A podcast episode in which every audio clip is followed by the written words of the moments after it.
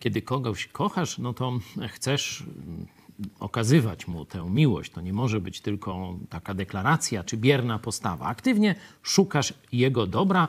Jedną z form okazania, okazywania miłości jest dawanie dobrych prezentów. No ale wiesz, przecież też teraz mamy za sobą już czas kupowania tych prezentów, że prezenty kosztują. Niektóre bardzo drogo. I największym prezentem, jaki został kiedykolwiek zaoferowany e, ludziom, to jest prezent życia wiecznego, czyli bycia w niebie z Bogiem, pomimo naszych grzechów. E, o tym prezencie możemy przeczytać na przykład w liście do Efezjan w drugim rozdziale. Albowiem łaską zbawieni jesteście. To już jest fakt. W przypadku chrześcijan, bo to jest list do chrześcijan, czyli tych, którzy należą do Chrystusa, to już jest faktem. Zbawienie nie jest czymś, na co czekamy, tylko jest faktem już dokonanym.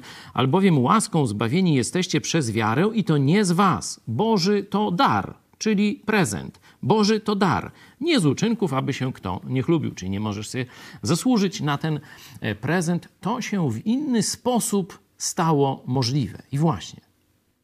Dlaczego ty możesz być zbawiony, otrzymać to jako prezent od Boga?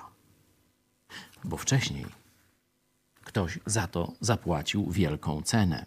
Dlatego dzisiaj, jako chrześcijanie, wspomnijmy to, co mówi apostoł Paweł w pierwszym liście do Koryntian 6:20. Drogoście bowiem kupieni.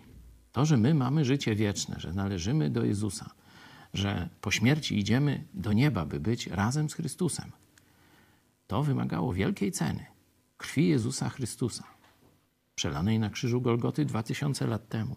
Drogoście bowiem kupieni. Zastosowanie, odpowiedź. Wysławiajcie tedy Boga w ciele swoim. Niech Twoje życie będzie teraz miłą wonnością, wdzięcznością dla Jezusa Chrystusa, który za mnie i za Ciebie zapłacił najwyższą cenę.